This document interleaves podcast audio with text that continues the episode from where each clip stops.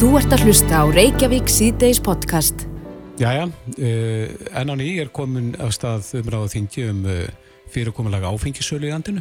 Já, einmitt, Hildur Sverristóttir, þingflokksformaði sjálfstæðisflokksins, hún er nú lagt fram frumvarp um að leifa vestlanlinnar, netvestanlinnar mm -hmm. í meira mæli hér á landi. Einmitt og uh, þetta hefur nú verið að þoka svona í, í þá átt að, að það eru auðveldra að verða sér út um áfengi í gegnum neti til, til að mynda. Já, akkurat. En eh, ég rækst á fæslu í gær eh, inn á samfélagsmiðlunum þar sem að mömmi eh, í gömlu götusmiðin og mótusmiðinni segir að sé lítist ekkert á umræðan hún hafi ekkert breyst í aldanar ás þegar það kemur að tala um áfengi en mömmi er á línunni, kom til sæl Sælverði, takk fyrir að bjóða mér.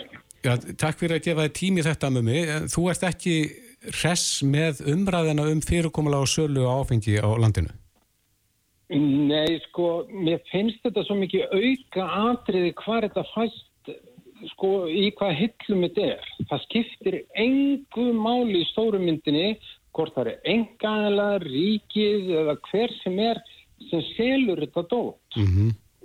En nú er að tala um aðgengið að áfengi. Já. Skiptir það ekki máli? Nei, ef þú ætlar að kaupa kvítvinsflösku þá bara keira eins lengra og fær þar sem hún fæst, skiljur. Mm -hmm. Og ég kalla nú til með þú afskið, þeir eru sko til eskifjörðar og köpið þetta. Já, en eh, hvað skiptir það máli í þessu? Það sem skiptir máli í þessu er náttúrulega að bara að draga einstaklingin til ábyrðar. Það er það sem að um það snýst þetta. Að sá sem að velur að tegja sig áfengi til að deyfa sig fyrir lífinu, það er eitthvað aðtjá viðkomandi hvort sem það heitir spilakassi, áfengi, íþróttir eða hvað það er. Og við erum með eitt svona batteri sem að stjórnar þessar umræðu frá að til öll. Og það þá, er þess að á. Ertu þá að stjórna umræðinu um fyrirkomulega sölu áfengi? Nei, sko, mér finnst það svo mikið auðgattir í umræðinu sem ég var að gaggrina þennan kastljóðstátt. Mm -hmm. Var raunverulega þetta sami þátturinn og við horfum á fyrir 30 árum. Já, en með því þegar þú talar um að draga fólk til ábyrðar til ábyrðar fyrir hvað þá að, að drekka áfengi yfir höfuð? Já, til dæmis ég bara veist að það er áfengi er í andlitur á okkur alla daga. Já. Það er ekki hægt veislur en maður sé áfengi búið. Mm -hmm. Ríkir er duglegt við þetta, sveitafélun er duglegt það har alltaf verið að óta þér áfengi. Ég veit ekki hvað ég er búin að segja oft með þetta á síðast ári bara. En þetta er svo normaliserað og þetta er eitt af því sem er bara í samfélaginu við þurfum að læra að auðgangast. Og flestir gera það bara ágætlega. En þegar allt fyrir skrúuna, þá bílar allt bæmið. Þá erum við með eina stofnun sem heitir S.A.A. sem gengur út frá því að þetta sé genetískur heilasugdómur og hafa ekkert nokkur að gera og þeir skirpa út úr sér tugum sjúkling á mánuði og segja maður frá aðfund og gangi ykkur vel. Þetta er náttúrulega aðferðafræði sem er bara steinöld. En er þetta ekki svolítið ein, einföldun á málunu? Já, þetta er ekki floknar en þetta. Ég er með 65 ára reynslu sem málaflokk og hef rekið svona stofnanir. Það sem er þá á, sko, meðan þeir halda öllu í hjálpunni veist, eins og veist, þetta þurfa að vera miklu fleiri stafir og smerri stafir í hjálpunni og hjálpun þarf að vera aðgengilegri mm -hmm. Já, það er akkurat kvartanda með að, að, að aðgengið að hjálpunni er ekki nógu gott í, í dag Nei, það voru bara fréttir fyrir nokkur dögum að fólk er að deyja á bygglistum inn á vók Já og það er bara skelvilegt En það, það sko, máli verður ekki leist með því að gefa S.A. meiri pening og, og byggja meira og stækka og skilu, þegar flestir í heiminum er að minka sína stofnum. Mm -hmm. Það var smarri og fleiri úrraði í bóð. Þannig erum öll kerð á færibandinu gegnum þennan sjúkdómspakka sem er gamalt Minnesota-mótel og við komum öll eins út hinnum einn það þarf sérhæft smarri meðferðúræði og miklu fleiri. Það er engin meðferðúræði fyrir ung fólk, það búið að lokaði með öllum. Þeim er öllum dritaðin að þá á, veist, og við erum öll á saman færibandinu og við erum öll með sjúktum þegar við komum hinn með inn úr. Þetta er bara galið, þetta er bara 1950. sko. Mm -hmm. Þú tekur ekki undir... en tekur, ekki að að. Kristoffer. Við verðum að kynskipta áfengismeðferðum til dæmis eða vímöfna meðferðum. af hverju telur það mikilvægt? Að því fólk sem er sko illa statt tilfinningalega að það á ekki heima. Þannig eru oft konur sem að er búið að meira mikið og gera þau er í næsta herbyggi. Veist, þetta er bara, þetta er rugg. Kynskipta þessum meðferðum. Mm En þegar það kemur að þessar umræðu með, með, með, fyrirkomulega sölu, því að það var nú það sem að kveikti í þér í gær eftir hennan kastljóðst átt, Ég var brjálaður. en e, hvaða skoðun hefur á því? Er, e, á að leifa netvæslu með áfengi, eða skiptir það ekki máli? Alveg klárlega, það skiptir engum máli. Ég, ég vil alveg sjá þetta bara í búðunum, það skiptir engum máli. En ég vil að sé eitthvað system sem segir við mig eða þig þegar við erum að misnum upp þetta, heyrðu það hjálp í búði. Af því þú ert að misnota það. Og ef við erum að misnota eitthvað, þá gerum við það. Ég minna dóp er bannað, en samt er allt vaðandi í dópi. Skilu, fólk nær sér í það sem það langar í. Þannig að það skiptir ekki, við erum bara að eiga púðri í eitthvað, hvort þetta verið hagköpið ríkin. Okkur þetta nú fyndið að fara aftur til gamla dagana og, rúfir þið einir í ljósvakamjöðlinn á Íslandi. Eða bara apotek ríkisins. Þannig að þú stiður frelsi í, í þessum málum. Já, bara einstaklingurum ber ábyrða sjálfum sér og hjálpum hún þá til þess að ber ábyrða sjálfum sér ef hann getur það ekki sjálfur. Það er þannig, þetta er ekkert með genetík og sjúkdóma að gera á einhver greiningabatteri, við erum komin í London í skurð með þetta.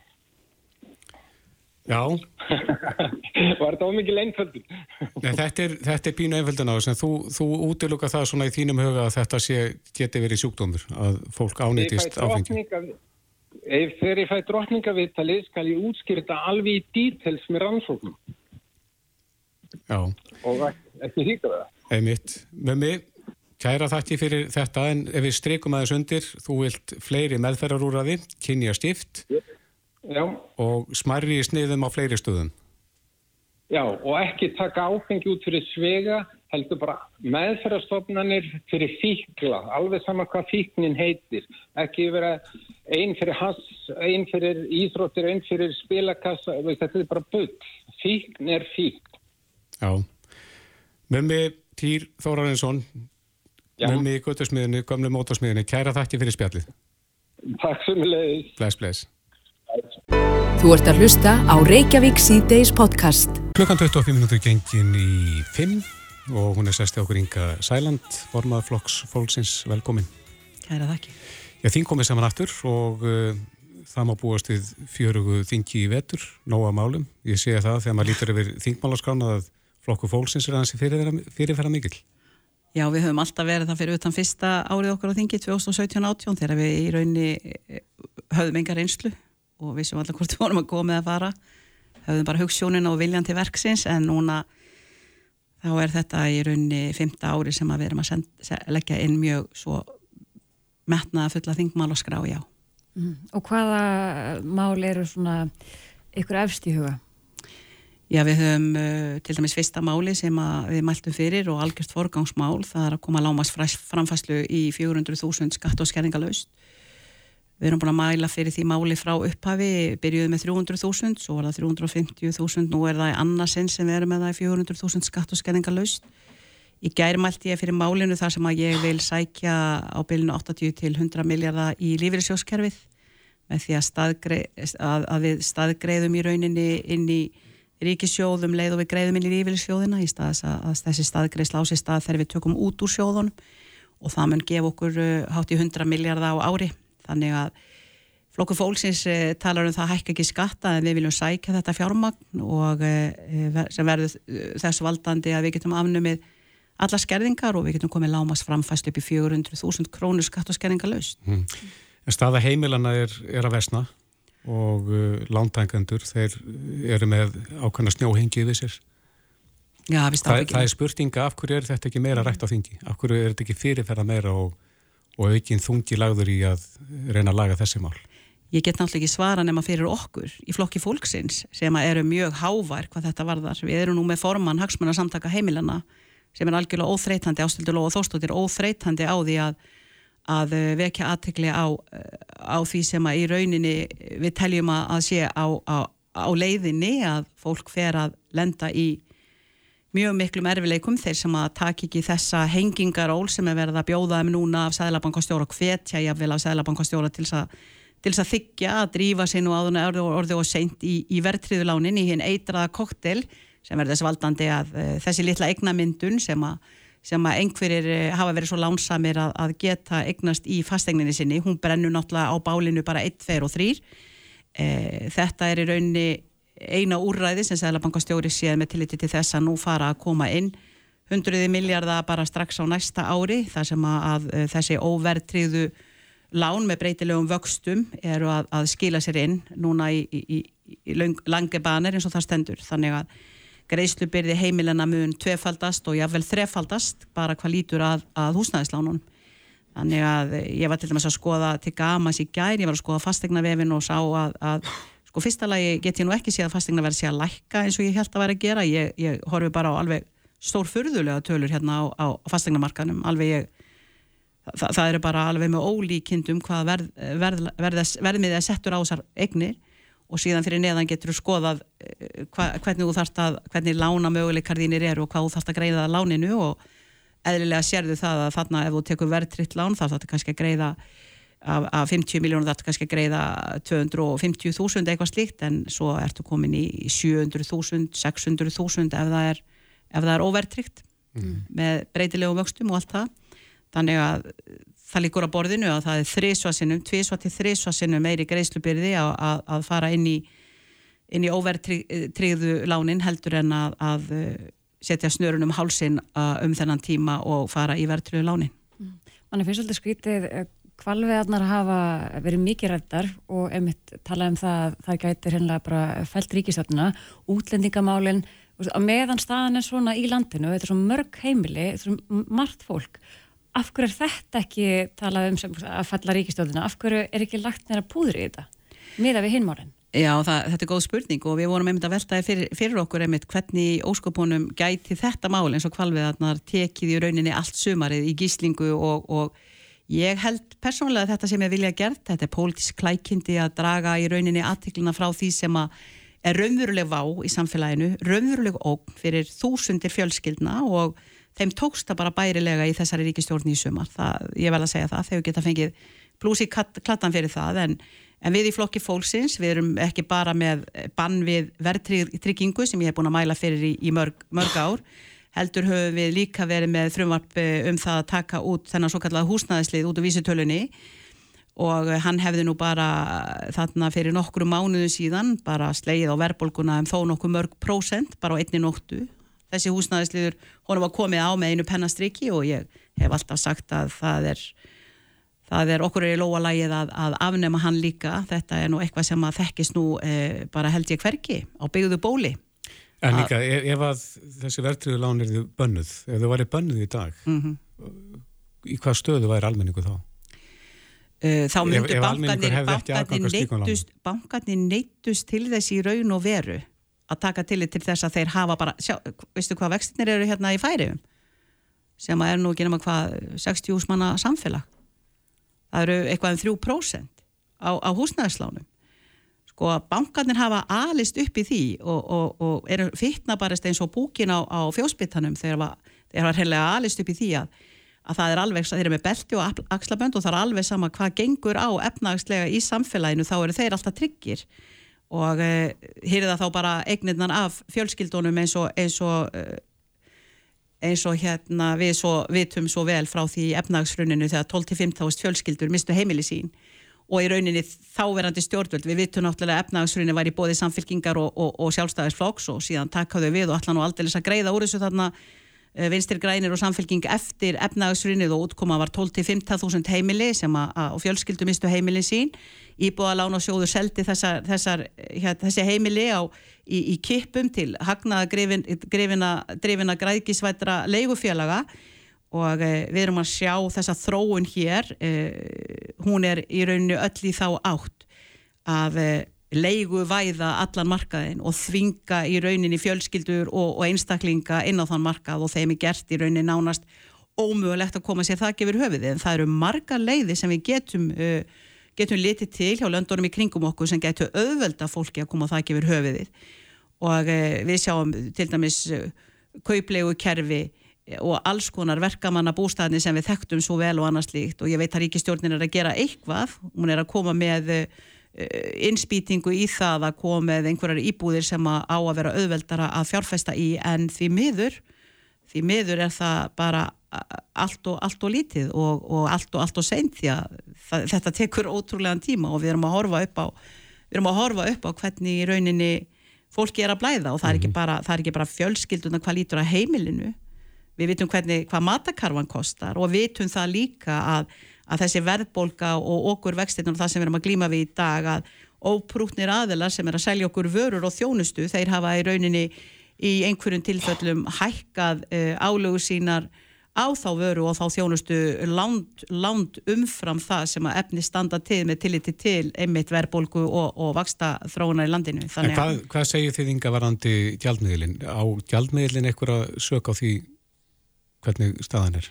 Nei, nei, gjaldmiðlin er náttúrulega bara lítil króna sem er náttúrulega, er nú allstað hleyið að, við vitum það alveg, en okkur þykir óeðlega væntum. Krónan er að kosta okkur á annað 100 miljardar á ári bara haldinni úti, en við höfum ekki flokki fólksins eh, komið með einhverja skýra sín á það, okkur finnst hins vegar algjörlega sjálfsagt, algjörlega sjálfsagt og nöðsilegt að skoða möguleikan á því hvort að þessi króna er okkur til hagspóta eða til trafala. Hver á að skoða það? Nú, við við náttúrulega skipað er ekki nefnd verður ekki settur á stýrihópur eða starfsópur sem er fagaðilar í, í þeim efnum já, Spurningin er hverjum treysta menn til þess að, að fá niðurstöðu? Vilja með Birgisson við talaði um Erlend aðeila til þess að, að taka þessi mál út fyrir okkur. Já, akkur ekki, mér finnst það nú hljóma einna best. Ég get nú tekið undi með, með honum ef, ef maður allar að koma í veg fyrir það að það sé einhverjir hlutrægir aðeila sem að sitja við borðið eins og við gerðan sjáum svo oft, allt og oft Þannig en, en gældmiðlinn sem slíkur, hann, það er náttúrulega mannanaverk hvernig við erum að stýra þessu. Það er náttúrulega mannanaverk algjörlega hvernig við erum að stýra, stýra hérna kerfin okkar. Það likur á borðinu. Mm -hmm. Þannig að við getum gert það öðruvísi og það er ekki þetta að kenna krónunni um uh, raunverulega. En hún kostar okkur mjög mikið og hún er að kosta núna og það likur á borðinu, hún er að kosta uh, íslensk heimili alveg gríðarlega, gríðarlega stórar fjárhæðir og mikla fórnir akkurat í dag í þessu orðfæli. Það, það likur alveg á borðinu. Mm. Tíminn flýgur hérna hjá okkur. Eh, það er annar mál sem þú hefur rætt mikið um og það er blóðmerahald. Eh, við töluðum í gerð við eh, yfirdýralagni, þar sem hún fór yfir nýjar reglugerðir. Hvað þetta var þar?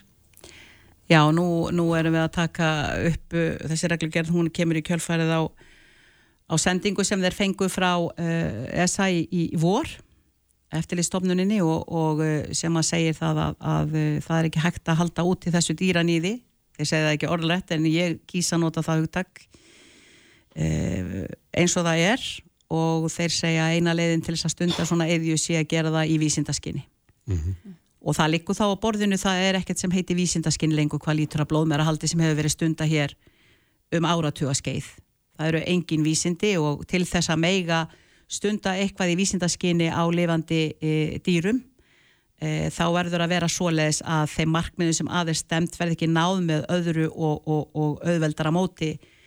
E, það er eina, eina réttlætingi fyrir því að, að nota dýr og í þessu tilviki vitum við að PMSG sem er þetta hormón sem er unnið úr uh, blóði fylgfullara uh, hristna. Það er uh, það eru eftirlíkingar af því eh, ég man ekki hvað, tögum skipti sem tögum skipti sem eru hormón, hormónalík og gera, gera sama gagn í, í hinu dýranýðinu að láta svín eða gildur framlega meira, fleiri, fleiri afkomið þannig að við getum borðað meira beikon og allt það. Þú ætlum að berjast mikið gegn blóðmærahaldinu. Áttu vona því að með þessari reglugera breytingu að þá muni þetta líðandir lokir? Mér finnst það allt stefna í þá átt bara gegnum gangandi síðan að, að sko, þjóðin bara hreinlega reys upp gegn þessu og aldrei komi fleiri umsagnir inn í atvinnu að nefnd og og, og hérna svona við, við, við svona, einföldu, eh, svona mál eins og einmitt uh, í sambandi við þetta bann við blóðmerahaldi og já, ég, ég hef fulla trú á því að smám saman munið að líðundi lok og vonandi bara hreinlega eftir þetta, þennan, þetta ár. Ég veit það að MAST eh, var gert erfitt fyrir til dæmis á tímabili í sumar að fylgjast með blóttökunni þegar ég hafa eftirlit með henni en eh, ég hef heimildi fyrir því að jáfnvel þegar ég kom á staðin þá ímist var ekki farið að taka blóðið eða, eða hreinlega þeir voru eh, óprúknur aðlar að gera þetta í skjóli nætur þar sem að enginn var með eftirlit með yðjunni. Við vitum að þetta er ofbeldisfull yðja og anstíkileg þannig að og einhverju dýralagnar hafa þegar, uh, þegar sagt sér frá uh, slíkri yðju algjörlega og fundist orðspós á þetta fylgja því og ég er að vona að, að það verði það sem verður ofan á og þessi reglugjörða breyting verði til þess að, já, að þessu verði hægt. En ég er nýbúin að vera í vittali við, við tvo bladamenn sem komu á vegum Guardian og uh, ég veit að það er verið að fylgja þessu eftir út um allan heim, út um alla Evrópu og víðar, þá er verið að fylgjast með því hvernig Íslands stjórnvöld er að taka á þessu meinta dýran í því. Mm -hmm. mm -hmm. Rétt aðeins í lokinu og talandum dýrin, mm -hmm. kvalveðar, verða kvalveðar eh, átakamála þingi í, í vetur? Nei, ég held að það verði ekki meira átakamál heldur en orðið er nú í dag, er verið einmitt Andri Singja flytja frumvarp um bann við kvalveðum, það rennur út þetta leiði um áramóti sem kvalur áf er með eh, sem að heimilar þessa kvalveðar. Ég hef trú á því að Svandi Svavastóttir muni ekki framlengja að, að það leiði. Eh, en þar ég ekki að taka bara afstöðu til þess hvort að ég halda áfram með að heita Jú, auðvitað, auðvitað verður það þannig en þegar við erum að tala um ráð þeirra í ríkistjórn þá erum við að sjá það að ef ef þeirra getur ekki komið málefnum sínum í gegnum þingið og haft stuðning annar ríkistjórnaflokka þá er nú jafnvel, jafnvel þó ég hafi nú sagt að þetta var eins og Game of Thrones að þau séu að sigla hvert í sína áttina núna í þessum, þessari stjórna ef að þau standi ekki saman gagvart slíku þá held ég að muni nú allt sem að springi loftu Rétt í blálógin, ég veit að vinuðinn Ásmundur Fririksson kom að skemmtilega óvart á þingi í gær. Já, hann gerði það. Er það ekki? Jú. Hvernig gerði hann það? Hann gerði það með því að stíga eh, í, í ræðustólinn og, og hann er núna nýkjörinn eh, hérna fósetti. Ég held að sé hvað annar eða þriðji fósetti þingsins. Mm -hmm kemur í stann fyrir Diljámi Steinastóttur og hann í rauninni er sá fyrsti í, í stjórnaliðinu og fyrsti fósiti sem ég heyri tala eins og hann gerði í ræðistóli í gær það sem hann í rauninni er að segja að hvetja til að, að þingmanna mál, mál sem að við erum að leggja vinnu í hvort sem við erum í stjórn eða stjórnarnarstöðu fái eðlilega meðferð í gegnum þingið. Að það sé sett inn í atkvæðagreyslu eftir að nefndir hafa unni með það í staðis að, að, að, að það sé læsnir í skuffu og með því náttúrulega þá er hinn líðræðislegi raunverulegi vilji kjöruna fulltrúa að koma í ljós. En við þekkjum það að það eru viðkvamál og alls konar mál sem að sem að einhverjir flokka vilja bara alls ekki taka afstöðu til og vera sínilegi með svörin sín fyrir kjósendur og þjóðinni en ég segi bara til hamingjum með þetta ásmundur, mér fannst þetta, mér fannst þetta flottu söngur hjá hann, ég verða að segja það mm -hmm. Inga Sæland, formaður flokksfólksins, kæra það ekki verið komin. Takk fyrir mig. Þetta er Reykjavík C-Days podcast. Skemmtilegt lag, stuðlabandi frá Selfossi. Já, þetta er fyrir alla. Já, akkurat. En eh, hún kom til okkur hér á fyrir klukkutímanum, hún eh, Inga Sæland, það sem við fórum að segja stöðu heimilana, sem er graf alvarleg, ansi víða og greiðslibyrði, greiðslibyrði íbúalána hafa aukist töluvert og muni að gera það stórum hópi fólks þegar að uh, losnar en þau lán. Ástýr Jónsson, Selabakastjóri, komin til okkar, velkomin. Takk fyrir. Já, þú ert að fá á baugin uh, úr ímsum áttum, það til dæmis er uh, fréttin á vísi.is, það sem er vitnaður í Viljan Birgisson sem að segja að Selabankin sé búin að skýti buksurnar, ekki pent kannski, en, en uh, er Selabankin búin að gera buksurnar í, þegar það kemur á þessum málum? Ég, ég hef ekki með þetta þannig, ég til að við sem að, að, að ná árangri að berjast um úti þarna, þarna verðbólgu og mm -hmm. halda stöðuleiki kerfinu. Hvernig hefur það tekist? Það hefur gengið sko, um, verðbólgu hefur verið mjög þrálót en það um, er greiður og þrýstingut í staðar. En það sem, það sem kannski hefur skipt í máli það er að hækkerfið er í þokkalegu jafnvægi. Ef við lítum til þess að á, á hérna auðvitaðlengisviðstinn, mm -hmm. það er ekki við staðalli. Um, við höfum haldið fjármálkerfin í skefjum við sjáum núna merkjum það að það er að draga úr útlanum og, um, og með við það sem er í gangi þá 7-8% águstur á síðast ári gríðarlegur uppgangur á mörgusjöðum, gríðarleg hérna, aukningi í eftirspunn og hérna Hvað er það sem er að, sem að hérna, verður til þess að hægvöxtur er eins og hann er? það eru nokkru þættir þannig að það er náttúrulega um, bara það gengur mjög vel hjá okkur mörgum sviðum eins og við færðum þjónustu og sviðum og síðan náttúrulega hefur verið náttúrulega gríðilega aukning um, einhverninslu. Þannig að það sem að vera að þrýsta á verðbólguna er eitthvað sem að stýrivaksta hækkun virkar ekki á? Jú, það virkar alveg á sko, bara þetta er bara um, um, eins og núna um, núna til að sjá það, það áhrif að spartnaður er að aukast með hratt vegna þess að uh, það eru komnir uh, til dælu háir hérna í lánavextir, fólk mm -hmm. er að mhm. leggja peningarna sín í bankan og við sjáum þegar áhrif á um, hérna enganestuna þannig að við þannig að sko um, beiling peningstefnum er að ganga uh, mjög vel en hún er sásköfull og það sem við erum að eiga við aðra þjóður í Európa veitum við ekki með álíka hagvist eins og við Marg, marga þjóður eru með hálfgerðan samdrótt og það er bara mikil uppgangur hjá okkur og eins og alltaf við ætlum okkur að gera miklu fleiri hluti heldur en við ráðum við á saman tíma En er uppgangurinn að valda þessari þenslu? Já, já, já það er Er, er uppgangurinn að vinna gegn okkur? Hef gegn og ekki gegn, já, það er, það er að vinna, vinna náttúrulega hefur áhrif á þarna, þarna verðbólkuna mm -hmm. Og svo náttúrulega eru, eru hlutir, ég minna síðustu kjærasamningar, það er ein, sko, íslenski lögþjóðar eru þeir eini í Árópu sem hafa ekki fengið læri kaupmátt. Því að við í síðust ári kom eiginlega gekk með svipu verðbólka yfir alla Árópu mm -hmm.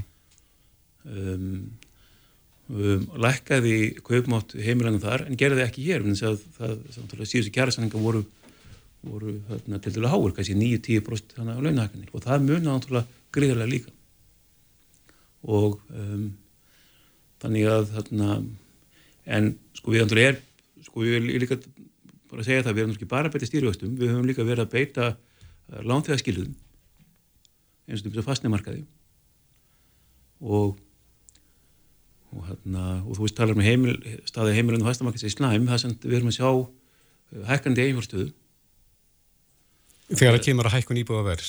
Nei, líka, líka bara að þegar þú ert með þarna nabastalán og það er fastur höfustóla að, að nabirði og það kemur verðbólka mm -hmm. 10% verðbólka því þá höfustóttin lækkar um 10% að, að þarna raunverði og þannig að þannig að, þannig að þó að greiðslipurinn sé að hækka þá hafa allar fjárhastlega kennetul heimilena að það lítið mjög mjög mjög vel út. Og fastnöður að hækka líka vonu það.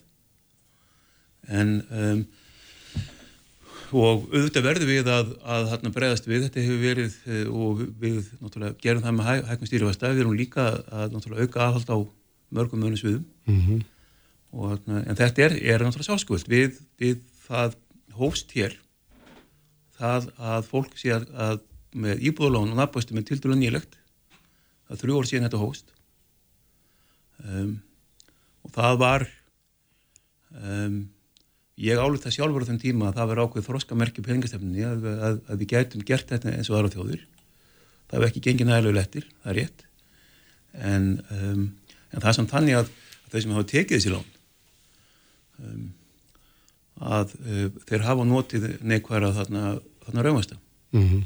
þannig að þannig að, þannig að eitthvað hafa þeir sem tekið lán jafnlega sem er að breyta að þarna ekki fara íl út í það Nei, en, Þa, það er ímsa fréttir uh, um stöðin á þessum markaði í dag og hér er einin af vísi.is það sem er vitnar í Ólaf Margesson hagfræðing sem að uh, segir að það sé sérstaklega undarlegt að ráleitningar þínar og hann talar um ráleitningar þínar að, að íta fólki úr óvertriðum lánum yfir í verðtrilán að þú sést þær í rauninni að fara út fyrir þitt verksvið. Sko það er nú fyrstilega er, er þetta ekki þarna, þarna á ráðgengar mínar persónulega, þetta er, er þetta, ég var að kynna hérna yfirlýsingu fjármálstöðurganendur mm -hmm. og ég get líka sagt það allstaðar það sem ég kem og tala var að sjálfangstjóra þá er verið að ræða með um aðgerðir það er núna fyrir, náttúrulega, það hafa hækka vextir annar staðar en hér En er það lausna að fara úr óvertriðu yfir í vertrið? Fyrir suma getur það vel, vel verið það En ef að meirlutin gerir það, þá virkar þitt sko, tæki, vaksta hækkuna tæki vantilega ekki eins. Sko, peningastefnuna hefur marga, marga leið til þess að virka og það er bara, líka bara ákveðin takmung fyrir því hvað fólk getur borgað á lónum sín. Og við svo sem nefndum ekki verðtryggingu beint séð, við nefndum að fólk hætti að skoða hvað var hætti að gera. Mm -hmm. Og það er hætti að gera um sér hluti lengi í lónum. Um, uh, að, þú veist, sumur eru, eru með að hafa verið að taka svo kvöldu þarna, viðbótarlán sem hættir að þarna, þarna skuldabæta líka. Verðringar er einn af þeim möguleikum sem fólk getur skoða og það getur henda sumum öðrum ekki. Við erum ekki að leggja eitthvað annað til en við erum bara að benda á það möguleikum sem til staðar. Það sem er bara, bara þarna mikilvægt að sko, fólk gerir sér grein fyrir og ég, ég sé fyrir mér að, að það sé einhver hérna sko klæðskjara sem er leið. En það er sko en þarna, um, þannig að mér, mér finnst þessi maður sem við vitnum til tala með mjög um undarlega léttúðum hætti um fjárhóð heimilina og að því að peningastefna seglabankans þarf ekki á því að halda og, og það er ekki nöðsýrt fyrir framgang hennar að set, setja fólk hálfis í þarna greiðslu þrótt mm -hmm. alls ekki. Og, og hún hefði margar aðra aðra leitið sem virka. Og ég get líka sagt að að allir aðri sérangstjóri í Európa er að velta fyrir sér ymmið þessu. Hvernig getur þú komið veg fyrir að há greiðslipyrði leðið til hérna fjárhásmandra við heimilum? Og eru aðra þjóðir að kanna þann möguleika að taka upp verðið lán? Nei, það, á, rauninni, það er engin hefð fyrir nema, nema hér. Heldur einhverjum ditti það í hug í þessari stöðu? Uh, önnur, önnur, önnur lönd sem hafi eins og með Breitland, meðan Breitland var verðbúrland sem dæmi, þá voru þeir með verðið lán. Fyrir heimilin? Já, fyrir, já og bara fyrir, það er til dæmis algjörði breyndi að húsæljóðsanningar séu verðtriðir eða, ráðsanningar, en þetta er einn af þeim örgu sem, sem við höfum. Mm -hmm. og, um, og margir hafa farið farið að leiða að blanda, en, en það er ekki, sko, við tökum ekki ákvörðunum það hvað, hvað, hvað lánfólk tekur, en það sem við bara erum að segja er það að við settum ákvörðunum viðmið um greiðslubyrði í heimilæn og það ætti að vera 35%. Það, við, við bönnum allar, land, allar landingar nema það veri treykt að, að það væri ekki herri greiðslubyrði hættur um 35%. Mm -hmm. við, við viljum að þetta við með gildi áfram að, að, að, að fólk lendi ekki því að þurfa að borga meira við um, og þá erum sér leiðir, verðryggingar er einaði og núna er orðið miklu ódýrar að skipta uh, hérna fram og tilbaka og það getur vel, vel farið svo til að segja ef að verðbólka gengur hrætt niður að verðring verður bara hagstæðri við, við vitum það ekki. En sko bara líkilættir í það að, að bara fólk átti sig á því að það getur verið gerandi í sin vegi málum, það getur skoðað lánin sín, það getur aðalega að hafa greiðstubirina og hérna þannig að sérst, og, og þá, þá verður bara taka, taka það alla, alla þá möguleika sem, sem við höfum. Mm -hmm. Inga Sæland, formadur flokks fólksins var hérna hjá okkur uh, á fyrir klukkutímanum og hún talaði nú um verðtrygginguna og vil láta banna verðtryggslán. Ef að verðtryggð lán er þau bönnuð, hvaða áhrif hefði það á íbúðalán á Íslandi? Þamtilega leiti sko, þess að það var náttúrulega miklu færri valmöguleikar í bóði. Hérna, um, Myndi það ekki bara þrýsta vöxtónu sjálfkrafa niður? Nei, það get ég ekki séð, þarna, um, það er svo flókinn Albaróls, en ég skal bara segja það. Ég sko um, ég um, ástæðan fyrir því að hverju verðtrygging kom hér í Íslandi var það að við áttum vandraða með tannverðbólgu. Og nabbastaláni er sem við leiti heppilegri. Og ég bjóstu því að við myndum sjá verkefælisfylgin þá, viðstu þau hafa talað gegn verðtryggingu og þau myndum þá reyna að standa vörðum nabbastakerfi Hvað þýðir það svona fyrir okkur leikminn. Það, það, það, það er ekki hægt að við getum ekki séð fyrir okkur kjærasáninga það sem að launin hækkun 10% bara sem það er eins og síðast. Það þekkist í, í, í engu öðru landi og, og það er líka fyrir eftir því hvað, hvað Sælabankunum gengur vel að nánu verðbólku. Við, við, við vonandi erum að horfa á vexti sem eru tímanbundið háir. Bara þess að við, við náum verðbólkunni niður. Hún er 7,6% núna og ef við náum henni niður þá auðvitað að lekku vexti aftur en þá ándur þurfum við aðstof frá að, aðeilum hann vinnumarkarins til þess að geta lækka vexti í rætt og svo framviðs. Þannig að, þannig að sko, það þýðir ekki að tala um ánum verðringar í einu orði. Og alltaf sína, sína semjum um, um, um kaup og kjör það sem, að, sem er hérna, valda þarna sko verðbólgu. Og þetta verður að tala saman. Og sko hérna krónan og vextinni hér endur speklat bara það sem er í gangi á Íslandi Uh, efnaðsumsið, kjærasáning og annað annað fleira. Og hérna Sælabankin hefur ákveð hlutverk að halda niður verðbólgu og við og að halda það verðbólgu niður og við erum, erum að fara að gera það. Um, hversu hafa vexti við þurfum til þess? Mm -hmm. það veldur því hvað hann er í gangi. Og Svona meira við þróunina núna og stöðuna í svona núna serðu fyrir þér að vextir komið til með að hækka einn frekar? Já, sko það uh, veldur og, eins og bara næstu þarna sko kjærasenningum og uh, og, og, þarna ímsu öðru. Mm -hmm. uh, það bendi margt að þess að það sé tekið að hæja á þannig hækjörinu, við vorum að kynna fjármálastjórnum skýrslu gær, svo syndi það að útlán er að draga saman.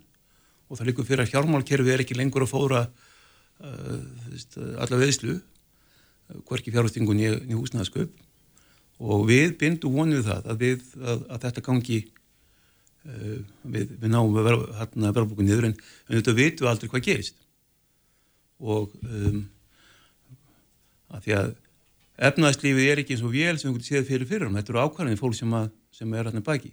En það er líka bara, bara mjög mikilvægt að við Sælabankin hefur það hlutverk að halda stöðuleika í svo landi sjálfmálastöðuleika, verðstöðuleika og ef, ef við myndum sleppa böndunum af verðbólgu, við myndum bara lækka vexti núna að þá verðum við bara að fara að sjá enganist að taka aftur við þessir, við vorum aftur að fara að sjá þenslu og þá að, að samaskapi verðum að fara að sjá kerfið fara úr jafnvægi. En hvað segir um það að eftir sem að fleiri fari yfir í verðtrilána þá býti þitt tæki, þar að segja vaksta hækkunatækið, það, það býtur síður? Sko það, sko orðað þannig, sko það, þetta er eina ein, þarna sko millunulegð peningastöfnunar sem sem er í gegnum þarna um, breytilega veisti uh mhm. -huh. Og um, en það eru fleiri leiðir. Eins og enn til meins núna um, núna hefðu við vilja sjá vextina býta til meins á, á þarna aðnulífi landin við hefum vilja sjá bara þarna um, bara, bara aðeins fyrirtækin þarna hæ, hægja á sér, bara sem dæmi. Og og það það er og sýst, og það er sjálf ekki eftir svona verðt fyrir seglabankan að innblýna bara á eina miljónuleg bara að, að, að greiðslu byrju fólks hækki og fólk í rauninni að það sé klipið af þarna, þarna rástafan tekið fólks með, með svona hröðum hætti það mm. er mhm. ekki endilega það sem við, við þurfum á, á, á að halda um, að því að ekkert, þess að ná okkar, okkar markmiðum að því að herri vextir sjálfkvæðarlega til þess að, að það er ný, ný lán, nýju lán hefur fækkað og, hérna, og það hefur vorið samdráttur á, á mm -hmm. fastlandamarkið. Talandi um nýju lánir, hér er spurning fyrir hlustanda sem að spyrja hvort það sé hægt að halda vöxtum eldri íbúðalána eh, þar er sér lægri en, en herri þá vextir á ný lán. Er það möguleiki að skilja þar á milli? Ég gerum ekki alveg grein fyrir því. Ég sko um, mögulega séð sko þar að sé ég veit ekki hvað, hvað skilmóla skilmóla hafa verið á eldri lánu en, en, en ég held að það sé alveg, alveg möguleiki ég, ég hef ekki alveg kynnt með lánurögli bankan að taka þá lán hérna lán og öðrum veðréttið eitthvað álöka og það verður þá e-, eitthvað til, til að skoða mm -hmm. Menn er að finna leiðir uh... Já sko það er, það er það sem ég vil bara leggja áherslu á að því að mér þessi, þessi menn sem þú hefur vittnað til vera, vera mjög svona létt úr því hvernig þeir tala um þetta Tala um Óla Markesson og Viljan Birgisson Já, mm -hmm. það sem við erum að tala um er, er það að við erum að tala um heimililandinu það sem vaki fyrir okkur og, og bæði vei það svo ekki ef ekki sletta hérna og það sem ég var að nefna þetta er fjármálastöður í landinu mm -hmm.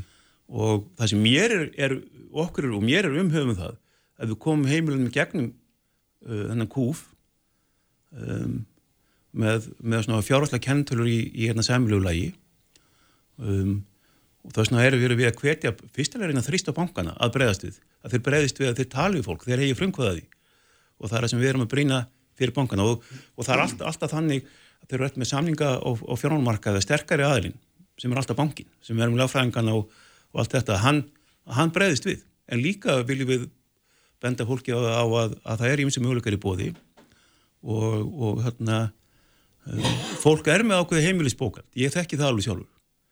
Og hérna og þannig er mjög óheppilegt þetta fólk missir þarna vakstafestinu og bara og síðan greiðslupurinn hækkar verulega. Þannig að það er bara mjög óhefilegt og, og þarna, ég vil ekki ég er ekki óskaninn að taka því þess vegna verður við að huga öll, öllu því sem það hættir að gera. Verðingar er eitt af því. Um, og þarna um, ég er ekki að mæla með því einhver, einhver færi verðingu en, uh, en, en það er ekki mitt að gera það en ég, við erum bara uh, nefna það að það eru breyttar fórsendur, það er, er auðvilt að skuldbreyta, það er auðvilt að færa svo á milli þarna um, lánveitenda og svo frammiðs mm -hmm og hérna og um, þannig að hérna þetta er verðbólkaði núna er heimsvandamál. Og allir sérlafangar er hækka vexti. Og það sem er hjá okkur það að við erum bara með miklu meiri hafgast, miklu meiri gangi. Okkur við gengið vel að mörguleiti um, staði fjárhastæði heimilin er, er mjög góð almennt sér, þó ég veit að sumur hafa, hafa allir jafn gott það er bara mjög mjög heimili sem eiga bara mjög mikið eigi og, og er í góðri stöðu. Ég hef meiri ágjur sjálfur á þeim sem er ekki ná fastnumarkaði og sem er á leikumarkaði eða gáleika en það er sjálfsvegur fyrir utan okkar áhrifarsvið Rétt aðeins í lokin ástyrðið þau erum að fara að setja punkt inn finnur þú fyrir aukinni anduð í garð selabokastjóra? Sko já og nei, ég sko nei, ég hérna um, sko það er bara fyrsta legi eh, eh, sko Ísland er náttúrulega hérna, til dæla lítið land og það er mikið nálað og, og allir þeir sem að eru já ábyrgastöðum að þeir náttúrulega finna fyrir eitthvað leiti. Verður þið fyrir aðkasti?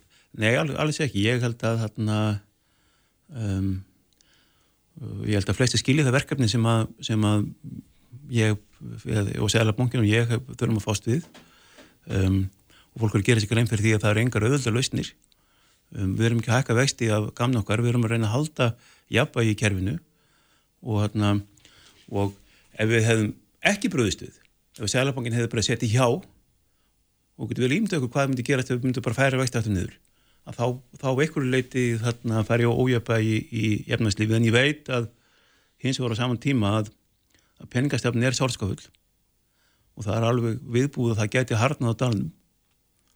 Og hérna og... Það er ekki nokkuð augljóst? Já það er nokkuð augljóst. Það myndir það En þetta eru, en, en þetta er saman tíma eins og fyrir mig sjálfan þetta er, þetta er það verkefnin sem ég tók að mér að þurfa að taka uh, merðar ákvæðinir ég um, og þurfa að standa að erðum ákvörðun ekki ég sem tek mm -hmm. þessar ákvörðun, það nefndir og við vegum bankans. Og hérna en um, en þetta er, þetta er samt það, það er rétt aðeins stuðunni mm -hmm. Verðum að setja punktin hér laungu fallnir á tíma. Ástýr Jónsson, Selabakastjóri, kæra þakki fyrir komuna. Já, þakka þér Þetta er Reykjavík C-Days podcast Vissið þú hugur hún að bílisutagurnir á morgun? Nei, ég reynda að vissi það ekki. En ég hugsaði á þann um, þegar ég var á leiðin til vinnu mm -hmm. og þegar ég kerði þauðlandsbötuna þess að við erum. Já. Ég ringsólaði og ringsólaði þetta svona eins og vilt að vestri að leita stæði Já. og ég var alltaf svona hálf tíma til 40 mínútur að finna stæði og hugsaði mitt, hefði átt að taka strætó? Ég byrði lappa, það hefði ekki steytir tíma. Já, akkurat. En á morgun er einmitt bílusi dagurinn. Já. Og uh, það er spurning hvort að margir munu koma til með að taka þátt í, í þeim degi en hann er á línunni Sindri Freyr Ástjásson sem er formaður samtakunni Bílösa lífstíl. Kom til sæl. Sælveiði. Já, Bílösa dagun á morgun, það er náttúrulega reynsla af þessum degi, hann, þetta er ekki fyrsta sinn sem hann er haldinn. Hver, hvernig hefur fólk tekið undir þennan dag svona öllu jafna? Herði, þessi dagur, þessi hefð, þetta er svona cirka 20 ára gammal, mm -hmm. þannig að það er komin reynsla á þetta. Þetta er sérstaklega hluti af Európsku samgönguvíku síðast í dagurinn í henni og Já. það hefur reynst mjög vel undan fyrir nár og verið bæði mikil svona vitundavakningi í samfélaginu og fólk tekið mjög vel í þetta. Er þetta mælanlegt? Það er að segja dregur úr umferð á þessum degi? Bílaumferð? Uh, það svona, já, það, sko strætó hefur mælt náttúrulega, strætó mælir uh, sína fartega en, en er með hérna er með um, frítt í strætó þann dag þannig að það er kannski erfiðar að mæla sko, hversu margir stíga inn í strætó þannig mm -hmm. svo er sömur leiðis uh, borgin að mæla hversu margir hjóla og ganga og slíkt þannig að og ég veit ekki betur en að það hafi tekist frekar vel undan farin ára að, að, að sjá aukningu á þessum degi þannig að það hafi það skila sér, á, skila sér að hafa þennan dag Mm. Og segir uh, fyrsti dagarum var haldinn fyrir 20 árum. Hvernig var tíðarandin það og hvernig tók fólk í það svona, fyrsta, fyrsta bílusa deginum? Sko ég var nú valla, ég var kannski nýbyrjar í grunnskóla þegar fyrsti, fyrsti dagarum var haldinn þannig að hérna, ég kannski var ekki þá sjálfur og ekki, fann ekki fyrir tíðarandarunum en, en jú, mér finnir þetta að hafa haldið fyrst 2002 um, auðvitað hefur gríðilega margt breyst á Íslandi á þessum árum samtíkin sem að ég er formaður í, í dag voru ekki eins og til þá og þessi umræða um sko, fjölbreytta ferðamáta og, og an, aðra ferðamáta heldur en bíl voru komin miklu stittra en það er í dag þannig að, mm. það hefur sko náð fram gríðilega miklum framförum í þessari umræðu og fólk tekur, tekur, er byrjað að nýta sér miklu fjölbreyttari ferðamáta. Já, en sendri, Íslendingar eru svona upp til hópa mikil bíla þjóðið það ekki? Íslandi er mikil bílaþjóð, jú. Það þýðir samt ekki að Íslandingar vilji endilega vera bílaþjóð. Borgin er byggð fyrir bílinn því meður mm. og, og við hjá samtökum með bílas og lífstíl og, uh, og það er náttúrulega markmið dagsins að við ekki aðtekli að því að, að þetta þarf ekki að vera svona. Fólk getur og ætti að geta nýtt sér fjölbreyttari ferðamáta með auðvitaðri hætti til dæmis strætó og hjólið og, og það hefur verið mikil framfæra þessu. Það eru tölvöld betri innviðir til dæmis verið hjólinn. Við sjáum það að það eru hérna hjóla hraðbæritur út um allt mm -hmm. og þetta er svona hluta því að vekja aðtiklaðu því að við þurfum ekki að vera bílaborg. Mm. Hvernig ferð þú sjálfur ferðaðina? Ég geng nú oftast uh, í vinnun allavega, svona í úrvinnu. Uh, nýtt stundum hoppum aðeins setn eða, eða svo á í nú hjól sem að ég nota á sömurinn. Mm -hmm. Áttu bíl? Nei, ég var ekki bíl. Æ, það er kannski þetta í næsta bæjar. Hvað sér þið? Ég segi það er kannski þetta í næsta bæjar ef að formaðurinn sjálfur ætti bíl. Já, ekki, það er kannski kallað kalla til vantraust ef, ég, ef ég myndi stjórnfesta mér bíl. En þetta þarf nú samt ekki að vera svona svart og hvít sko. Ég segi nú alltaf að, að ef þú, ef þú ákveðir einn dag að, að, að fara gangandi eða hjólandi vinnuna þá lifðið þú bílið sem lífst í þann daginn. Þannig að mm þetta snýst ekki um eitthvað svona einhverja polariseringu, einhverja bíl eða ekki bíl, þetta er bara ef við njótum bílinn minna þá er meira pláss og þá er minnu mengun þannig að ef að fólk getur þó það væri ekki nefnilega bara einn dagslegt bílnum hvað þá helst náttúrulega á bílusadeginum, þá væri það mikil bót. Mm. Bæða að hafa góð áhrif á umhverfið og svo uh, sjálfan sig? Heldur betur. Og kannski andra líka? Já, En út af hvað gengur þessi hugmyndum eh, bílausa lífstilin? Er það til að draga úr mengun eða, eða hver, hver er svona aðal pælingina bakvið þennan lífstil? Í sjálfhansi er, er þetta svolítið heilstæð, eh, sko, heilstæði lífstil. Þetta er, þetta er ekki bara, hérna, þetta er ekki bara umhverfismál, þetta er líka skipulasmál, þetta er svona, þetta er, er fjárhagslegt fyrir marga, það er mm -hmm. mjög dýrt að reyka bíl á Íslandi og ef að fólki verði gert, kleif, gert kleift að lífa, lifa bílu sem lístil með öðvöldari máta þá, þá þyrftir maður ekki að borga fyrir bílinn sem að, ég held að margir myndi vilja sleppa þannig að þetta er svolítið helstæðin nálgun á, á sko lífi fólks að ef að það þarf ekki náttúrulega bíl þá er, bæði, er þetta bæði umhverjum smál, þetta er líka hérna bara mikil kjarabót fyrir fólk og svo sömu leiðis eh, hefur verið sínt fram á það að fólki líður er með betur í borgum þess að þú þarft ekki náttúrulega bílinn. Mm. Hvað með þá sem að þurfa að fara kannski lengri vega á morgun? Þurfa að fara eitthvað 20 km í vinnu og úr vinnu?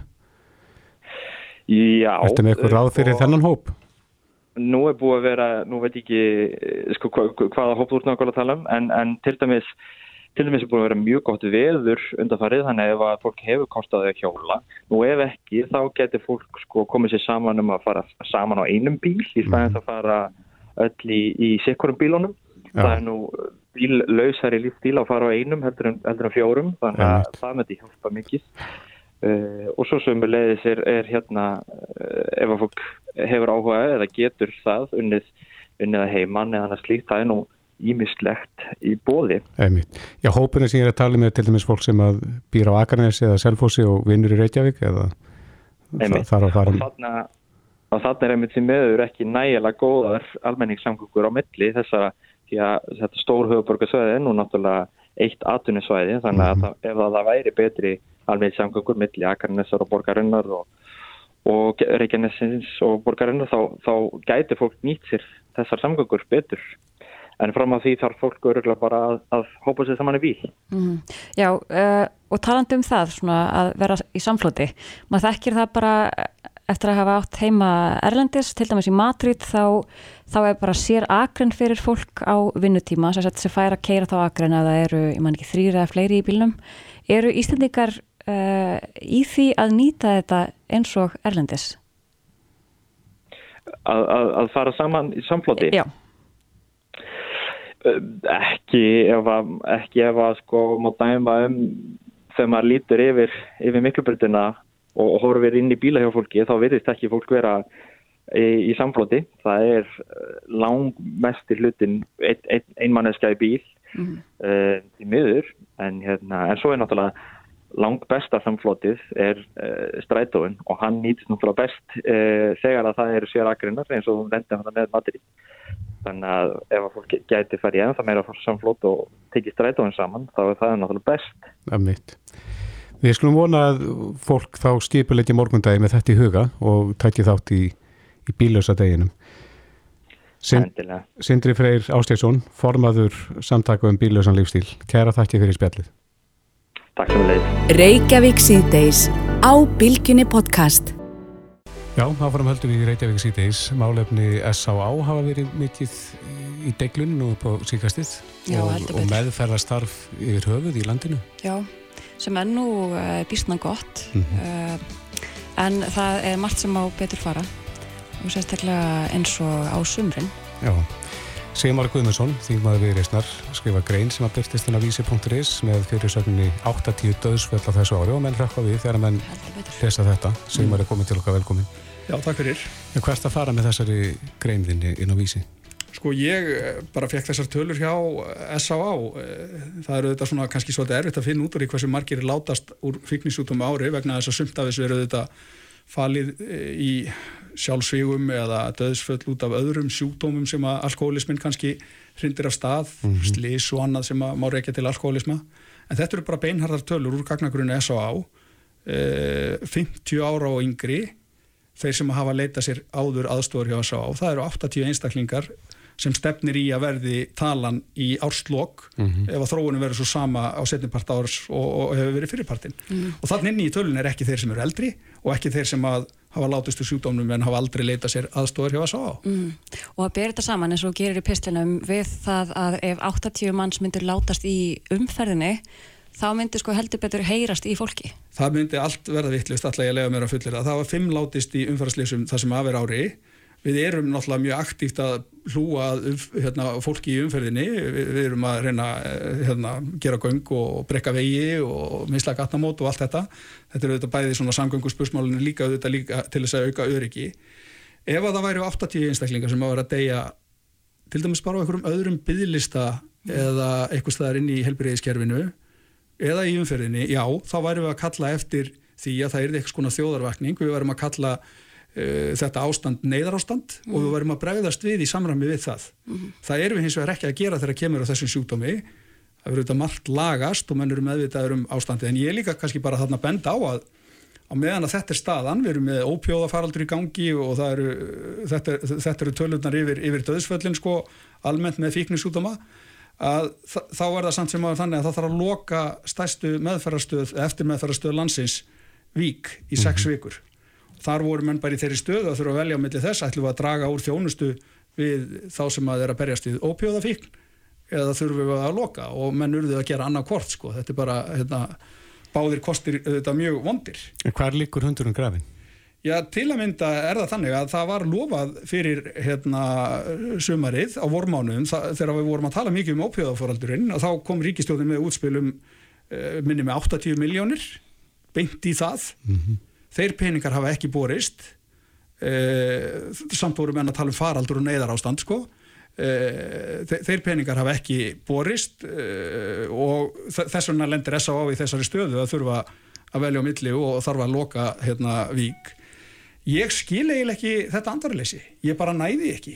Ég meina fíklar og áfengisúkir, þetta er bara fólk eins og allir aðrir, þetta eru feður og mæður og þetta eru dætur og sinir og þarna undir eru hérna, börn, fjölmörg börn að missa fóreldra sína, ég menna við erum eitt mjög nýlegt döðsfalla sem að ung, uh, móðir deyr frá tveimur ungum börnum.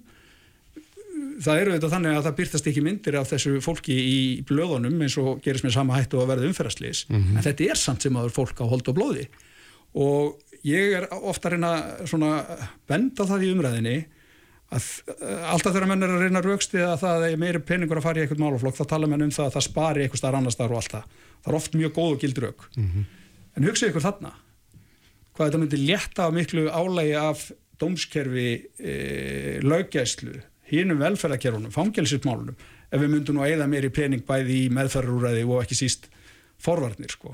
Mm. Þannig að við, við, viðbráð okkar við þessum faraldri og þessum tölum og þessum veikindum eru ekki neinu samræmi við alvarleika málsis. Það er bara uh, nákvæmlega þannig þótt að það séu allir mjög velviljaðir því eða flestir stjórnmálumenn mjög velviljaðir því að, að gera betur og þá einhvern veginn er djúft á því. Ég spurði Viljum um mitt í þingin í dag og ég veit að hann er nú mjög velviljaður maður og vil gera vel en uh, mér finnst hann ekki vera með neina skýringar á því að okkur peningarnir hafi ekki borist til að á uh, mér finnst svona lasta út og sörumans að menn var eitthvað svona að reyna að rína í tölur og gögn menn þurfa náttúrulega ekkit annað en að fara í gegnum dánarauðlýsingarnir í mokkanum til þess að átt að segja á því að staðan er graf alvarleg ég, ég hef aldrei heilt neitt ég fengja það að það sé faraldur í ópjóðamálunum Uh, og samt er þetta einhvern veginn svona kerfið að reyfa sig á hraða sníilsis, þetta er bara óbáðlegt þetta er bara svo stór vandi, við erum að missa svo mikið af góðu, flottu hæfileikaríku fólki, ungt fólk sem hefur ekki fengið tækifæri lífin en gæti blómstrað við réttar aðstæður,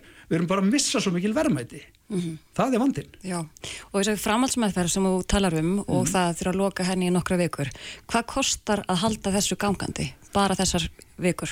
Það held ég að sé ekki neinar óskaplegar tölur sko ég kann ekki alveg þá tölu en að minnstakosti var þetta þannig að þessar sko, ef þessar 80 miljónir hefðu borist að þá vantarlega hefðu nú kannski verið hægt að fara langliðina með þetta eh, sko við myndum ekki hika við að leggja háar fjárhæðir í samgöngur ákveður gerum við það ekki þarna líka þegar mannslífi er í húfi? Það er bara svolítið það sem ég er að segja. Menn þetta er svona grunn kjarnar hlutverk ríkisins. Það er alveg saman hvort þú ert í hægri eða vinstri í pólitík. Það er allir samáluð um það að svona lífsbjargandi þjónusta, heilbyrðisþjónusta mm -hmm. hún á að vera hérna, aðgengileg og ríkið á að kosta hana annarkort með beinum hættið í gegnum e, samstarfið engaðala eins og í tilfell S.A.A.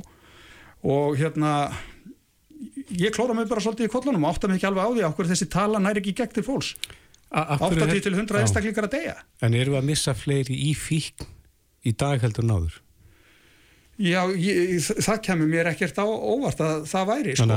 ég, þetta er svolítið margslungin þetta er svolítið margslungin sjúkdómur ég menna hérna fyrir einhverjum áratögum þá voru náttúrulega langt flesti sem drukku bara brennivinn mm -hmm. nú eru önnur efni komin og, og það er náttúrulega mikil misnótkun á bæði ópjóðum og líka ADHD-livjum mm -hmm. sem eru örfandi efni en ekki, ekki svona sljókandi svo ópjóðanir þannig að eh, við, við sjáum þetta allt í kringum okkur einhvern veginn, þannig að tilfinningin hjá mann eru þetta svo og tölöfnir hjá SA og, og Krísuvík og, og, og hlaðgerarkoti segja okkur það að þetta séu þetta vaksandi vandi. Þetta er ekki döðveld, ég menn alkoholism er rosalega flókin og margslungin sjúkdómur. Þetta er rosalega órögrættur sjúkdómur fyrir þá sem ekki eru meðan það er svolítið erfitt að setja sig einhvern veginn inn í hugarheim þeirra sem eru meðan því að hegðunin verður svo óröggrétt sko, mm. karakterbreyting og... Hvar, hvar likur hættan mest fyrir þá sem eru búin að fara í meðferð? Já sko, til, til dæmis þetta sem við erum að tala um í sumar. Ég meina, ég, ég var inn á vogi í, í sumar, þurfti að leita mér aðstofar og ég var hérna í lókjúli e, það sem að mætir mér er það að ég þarf að býða í langan tíma til þess að komast inn á vík af því að vík er lókuð og meðan hún er lókuð þá sapnastu þetta upp fólk á á fyrstu dagana eftir, eftir að opna þær aftur þetta kemur ekkert í sök í, í, í mínu tilviki en náttúrulega bara í svona sterkari félagsleiri stöðu heldur um mjög margir aðrir mm -hmm. en fyrir þá sem að kannski eru atvinnuleysir eða eiga ekki í neinn húsa að venda eru jæfnvel svona nánast á götun eða á einhvern rakólum þá er þetta vera spurningin oft á milli lífs og döða meina, það er svo mikil munur á því að fara mm -hmm. út á götu eftir tíu daga eða eftir tíu daga pluss mánuð á vík að ekki sé tala um eða þú ferð á hlaðgerarkot eða krísuvík og ferði ennþá lengri meðferð mm -hmm. það er bara ótrúlegu munur þarna á það þarf að vera samfella það verður að vera samfella mm -hmm. það eru oft einhverjir kannski dagar á milli voks og víkur en samfellan verður að vera mm -hmm. það, það, það gerist bara svo mikið er það mjög krítisku tími? já, frá, fyrstu, frá... Mánuðinir, fyrstu mánuðinir eru bara krítiski þetta, mhm. þetta svona Þetta verður auðveldra og auðveldra fyrir alkoholistan eftir því sem að tíminn líður. menn auðvitað svona ná einhverju jafnvægi í heilan á sér og, og finna það að þeir eru að ná tökum á tilverinu og þeir eru auðvitað að átta sig á því að svona það er hægt að vinna margt tilbaka uh, af því sem að hefur skadast í kringum það og, og allt þetta. En það eru þessar fyrstu vikur sem eru bara algjörlega svona uh, mjög krítiskur tími. Þess vegna er þetta svo alvarlegt sko. Mm, akkurat. Uh, nú setur þú á þingi. Mm. Hva, þú vilt vantalega bara sjá aðgerðir strax. Já, já, ég vil náttúrulega bara að, að hérna, og ég held að sé nú bara alveg ágætti samstæðum það í þinginu, þetta er alltaf bara spurningin um það hvernig við skiptum fjármagninu, þannig eins og ég var að rekja á þann. Ég, það, það er bara svo augljóst að með því að setja svolítið meiri pening bæði meðferðarstarf og fræðslu að þá erum við auðvitað að fá það tilbaka á öðrum postum en þetta er auðvitað þannig einhvern veginn í stjórnmálunum að við erum alltaf að hugsa í fjárlaga ári eða kjörtímabili og það vantar svona þessa langtíma hugsun sko. Svona svo samgöngu áallum bara í þessum málum Já Er skilningur, er skilningur á þingi? Já.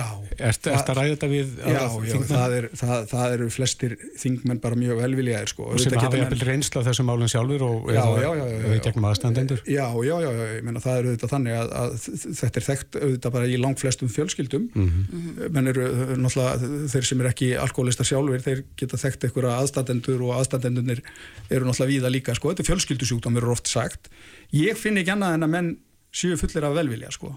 en slagurinn um peningin er auðvitað harður sko og við mögum auðvitað ekki gleyma því að meðferðarstarf hérna á Íslandi er svona á alþjóðlegan mælikvarða mjög gott mm. og Íslandi er svona mörguleiti ákveðin fyrirmynd e, og eins og ég segi við erum með S.A.A. við erum með Rótina og við erum með e, sem er með svona marg, margvíslegt fræðslustarf og hafa unni mjög vel hlaðgerðarkot, Krísuvík og fleiri og það er bara mjög gott að þetta sé fjölbreytt og, og víða að því að það er eitt sem er líka svolítið skrítið í þessu heilin í alkoholista getur verið svolítið fórskrúaður allt hennu býta menna í sig að menn vil ekki fara nú og. Mm -hmm. en þeir eru kannski tilbúin til þess að fara í eitthvað annað úrræði. Þá var þau að vera til staðar til að grýpa mm -hmm. að þetta er oft bara spurningum viljin til þess að gera eitthvað í sínum málum. Hann er kannski líka bara einhverju dagar eða vikur sko. Mm -hmm. svo fyrir að fenna yfir og menn eru búin að kleima skondalónum og öllu þessu og finnst bara að þeir þurfu ekkert á nefninu aðstóða að halda sko. Þannig að þú veist það þarf að mæta fólkinu þar sem það er. Það getur ekki verið eitthvað eitt úrræði sem að hendar öllum.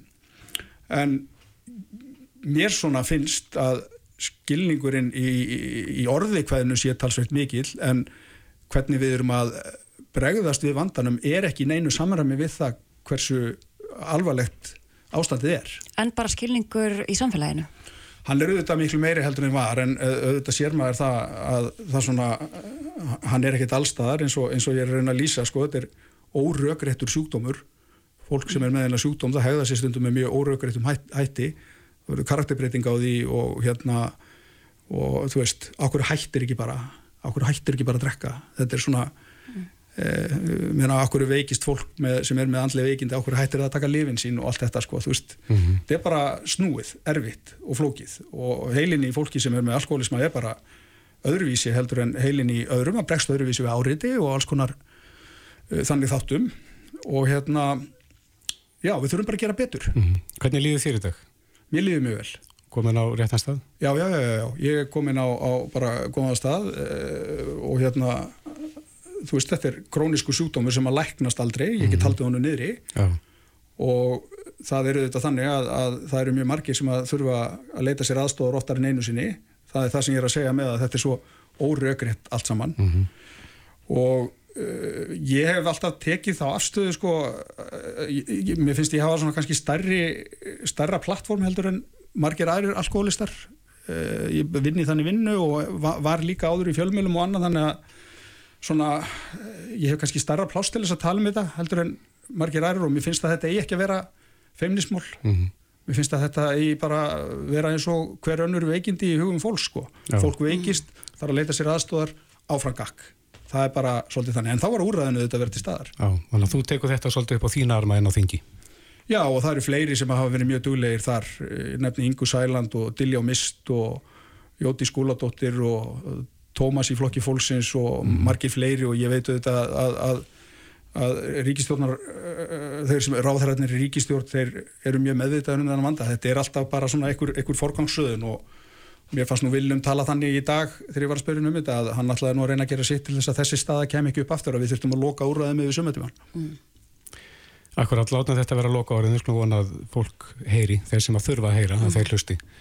Semar Guðmarsson, þingmaður, tjæra þætti fyrir komuna. Takk fyrir að bjóða mér. Hlustaðu hvena sem er á Reykjavík C-Days podcast. Sólríkur dagur í, í höfuborginni og, og ekki úr vegi að, rölda um götur og stræti.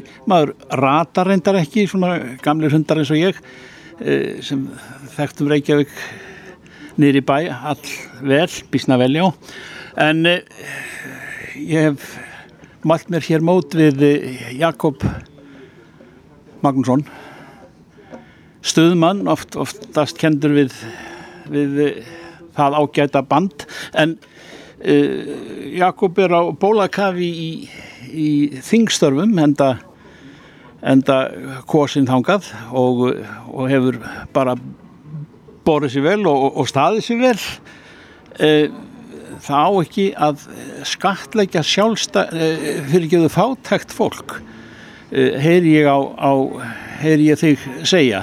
Og, og það með tölverðir ákveðni hvað áttu við með því?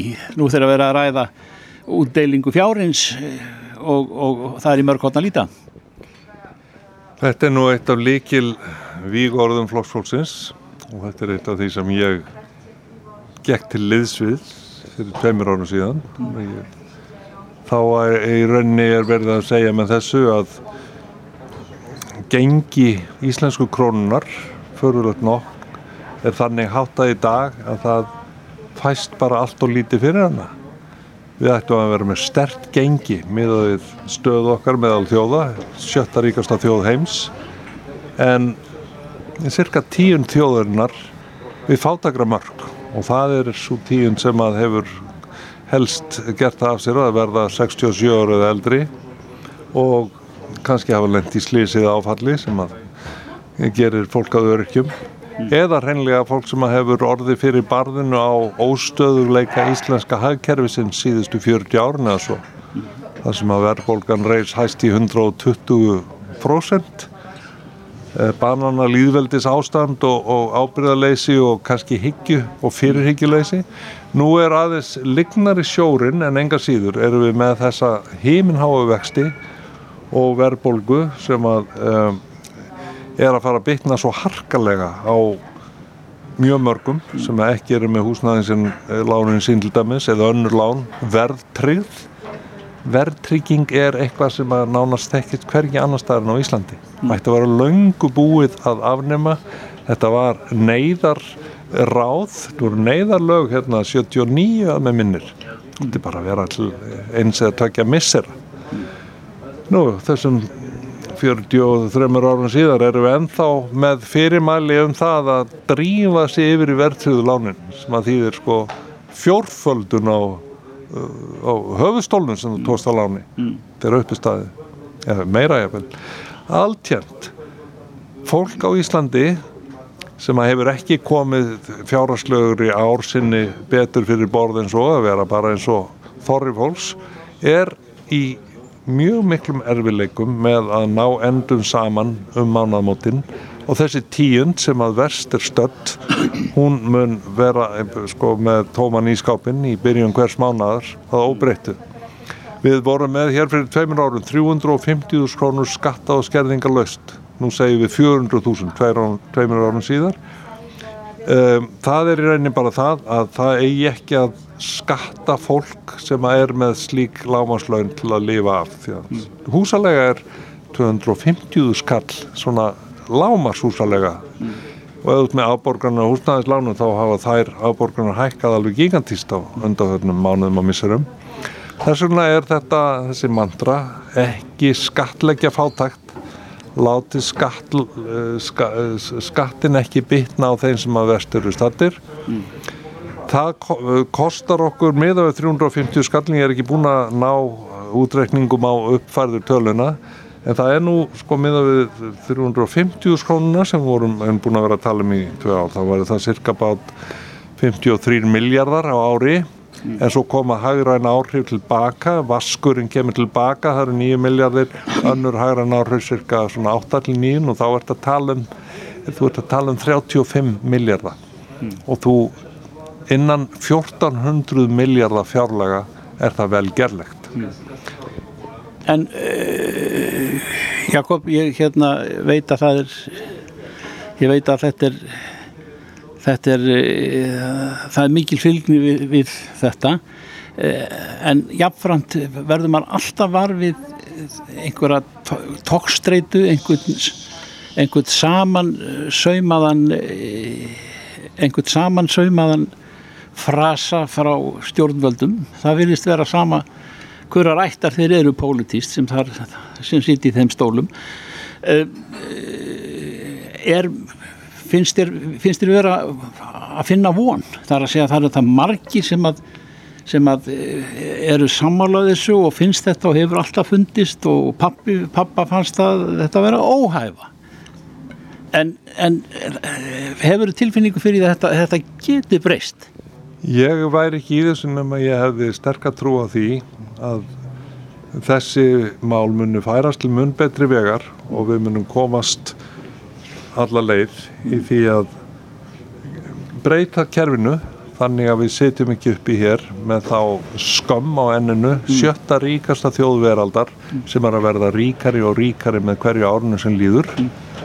Að láta tíund landsmanna setja við fátakra mörg það er mesti og vesti smánarblettur á íslensku samfélagi mm.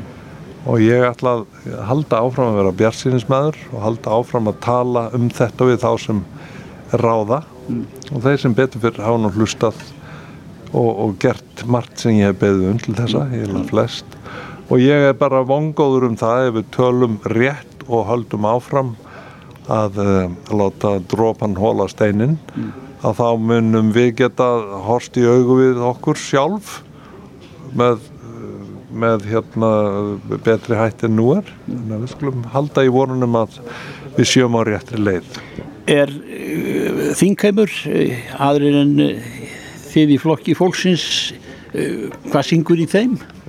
Já, það er syngur nú meir og meir í til dæmis samfélkingunni þar sem við í flokki fólksins erum að tala um. Þeir hafa tekið upp með bóstalega uh, bara málflutninga mjög svipuðun toga mm. sem var kannski einu sinni kjarni málflutnings sem voru í gamla alþjóðfloknum mm. mér líður alltaf eins og ég sé í gamla alþjóðfloknum með flokki fólksins mm -hmm. þetta er flokkur alþjóðfólksins og ég er, er uh, skinja úr fleiri flokkum -hmm. svipaðan tón og í rauninni hef ég ekki upplifað uh, ein, einasta þingmann ansnúin þessari grunn hugmynd það er bara, það eru 12 ráð þeirra með 12 ráðunetti og það er verið að bítast um hverja krón og ef að það er ekki þeimun einbeittari ráð þeirra og, og þeimun frekari sem að krefst leiðrættingar á þessari óhæfu sem að hér er til umræðu nú þá verður þetta áfram afgangsstærð.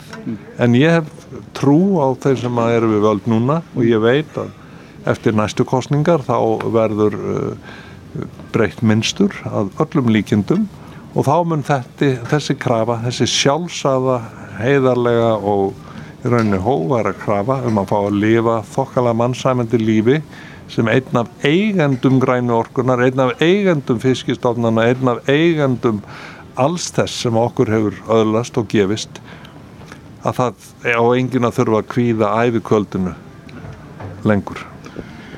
Ég er að þú ert eh, alveg komin með, með eh, ræðuna fyrir þessu og ert búin að mark, markflytjana, ekki bara í þingsölum heldur, heldur við það. Uh, hvað er stuðmaðurinn í þér? Eitthvað að frétta? Ja, hann er bara alltaf virkur á, á kvöldum og um helgar.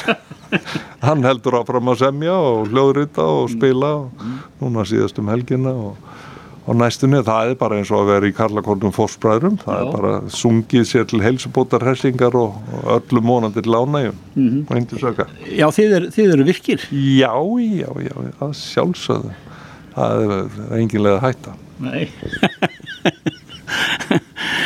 og, og þú sér það fyrir þér það, það verði svona uh, þú, þú syngur þetta í, í leiðinni? Ég held þessum nokkuð aðskildu, ég er ekki að blanda sko, stjórnmálum inn í, mm. í söngtekstana eða mm. lögin en, en, en sagt, þetta stiður hvort annað bærilega. Þetta, eh, við skulum segja að hafa tónlistargiðjuna í sínum félagskap, mm. tryggir ákveð svona, við skulum segja, uh, svona ákveðna gleði og bara hamingju sem að þeir eru í raunni ávísun á það að það verður aldrei leiðinlegt sama hvað árin verða mörg sem lífa. Ávísun á umbörðalindi? Íminslega fleira, ég held að það sé það svona hamra ég á því hvert tækifæra og hér með nú að tónlistar mentun er sannilega mikilvægasta mentunin sem við getum öðlast á lífsleðinni því að hún tikkar í svo ansi mörg boks varðandi mm, tengingarnar í heila kvelunum og varðandi bara það að öðlast slökun og öðlast gleð og hamingju við þau tíðnisvið sem að skapast af mm. að ég segi við börnum mín ekki að þau séu að velta fyrir sér að sleppa neinu en ef það er eitthvað eitt sem að þið skuli ekki sleppa að yfka og læra þá er það tónlistin Hefur það tilfinningun að þú sem þingmaður hafir meiri áhrif svona undirlíkjandi heldur en ef þú væri ekki tónlistamæður þú ert, þú ert að tala, þú ert að syngja þú ert að spila fyrir fjöldan þú getur nota þá málpípu og haft bísna hátt. Ég hef notið þeirra gæfa að vera sem svona eh, eins konar talsmaður og fórustumadur á vettvangi tónlistar og skapandi greina. Ég komið með mínum hætti þar að segja ekki með rópum og skömmum og djöfulmóð heldur bara með kurteislugu samtali mm. ég hef ítrekkuð komið í gegn einhverjum tólf frumvörpum mm. tólf málum eh, setjandi utan things og eða, síðasta máli var samþygt bara núna í vor tónlistar þróunar miðstöðin og ég bara við erum all mennsk og, og mannleg og allt það ég trúi bara á það að þó þú sért ekki í sama flokki eða sama fótbolltalið eða sömu ljónsettu einhver annar, þú getur allt bara prílegt samtal og inn á þinginu eru bara eiginlega, ég segi sko frábærir einstaklingar með mismunandi áherslur og, og ég eh, tel mig ekki eiga neitt nóvinn þar og ekki heldur í ríkistjórninni, ég ætla að halda áfram að tala við allt þetta fólk á þeim nótum og það getur orðið samanlega mér um þessi grundallaratrið, við lagfærum þau. Það búið að gera gríðalega margt fyrir hennar skapandi greinar og mm. menningarlífið mentalífinu stendur örlítil og núna af fjárskorti sem að þyrti að, að, að kipi liðin vegna bygginga við bóta bygginga við verkmentaskólu og akkurir og annað slíkt og mín helsta hugmynd núna sem ég verða að máta á eins og kollegum bara nú síðast í dag mm. er að finna leið til að fjármagna uh, skólabyggingar sjúkrunarheimili og annað sem okkur bráðleikur á í svo öllvaksandi samfélagi til að geta mentað fólk og um, veitt ummönnun fólki sem að þarf að henni að halda. Okkur vantar að lámarki svona 200-300 ný rými fyrir hjókunarheimili á hverju ári bara næstu tíu árin. Segir Jakob Magnússon, alþingismadur og með skýra sín á hvað horfið til framfara og verður að koma í gegnum þingið en stuðmaður um helgar. Takk fyrir þetta Gopi. Takk fyrir spjallið og góða helgi öll saman. Reykjavík síðdeis á Bilginni podcast.